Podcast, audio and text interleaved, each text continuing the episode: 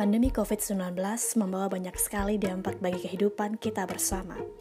PHK, dirumahkan, dan kehilangan pekerjaan adalah beberapa kekacauan yang kerap kita temukan. Selamat mendengarkan podcast katanya Nana, dan hari ini kita akan membedah bersama isu sosial masyarakat.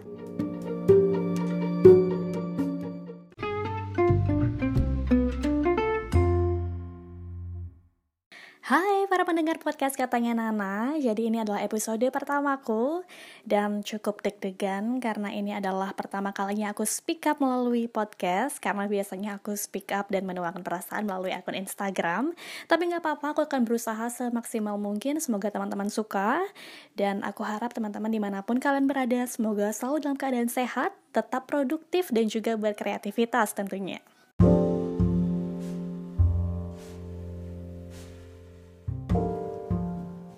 Well, hari ini aku mau cerita teman-teman. Dan ini berkaitan banget sama tempat tinggalku. Jadi aku tinggal di desa Banyuning Salah satu desa di kecamatan Buleleng, Kabupaten Buleleng.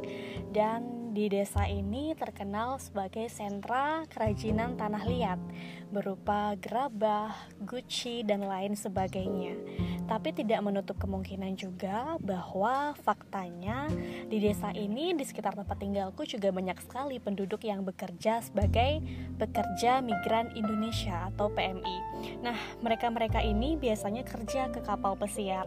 Jadi, beliau berlayar entah itu dalam waktu enam bulan atau satu tahun bahkan.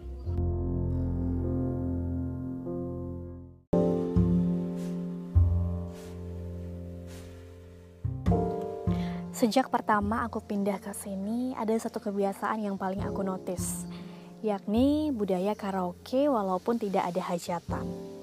Dan pasca COVID-19 masuk ke Indonesia, ini juga berdampak bagi kehidupan di sekitar rumahku. Bahwa kebiasaan tersebut semakin membudaya dan semakin menjadi-jadi.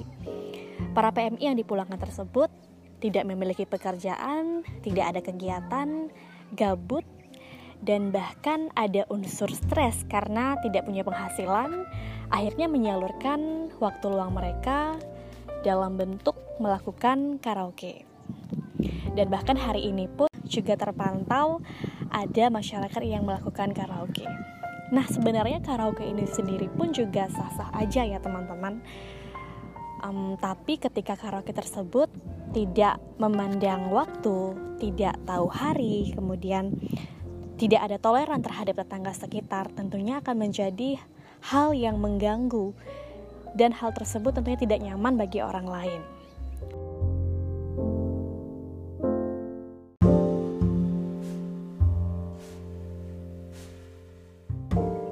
Oke, okay, untuk mengatasi permasalahan ini sebenarnya ada beberapa solusi yang dapat kita laksanakan.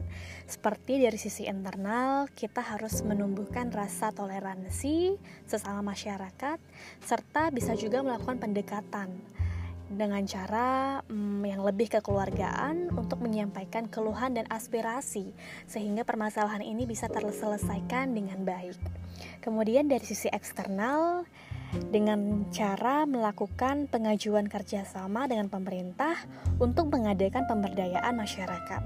Nah, pemberdayaan masyarakat ini bisa jadi pelatihan merajut, pelatihan menyulam, kemudian pelatihan bertani modern, dan lain sebagainya. Karena untuk sektor pariwisata sendiri saat ini belum pulih total, sehingga kita membutuhkan alternatif yang dapat tetap menjalankan roda perekonomian di masyarakat.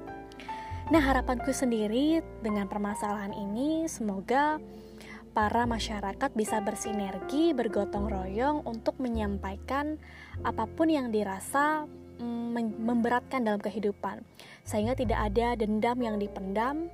Namun, kita harus mengomunikasikan agar kita bisa hidup berdampingan dengan tentram, aman, damai, dan sejahtera.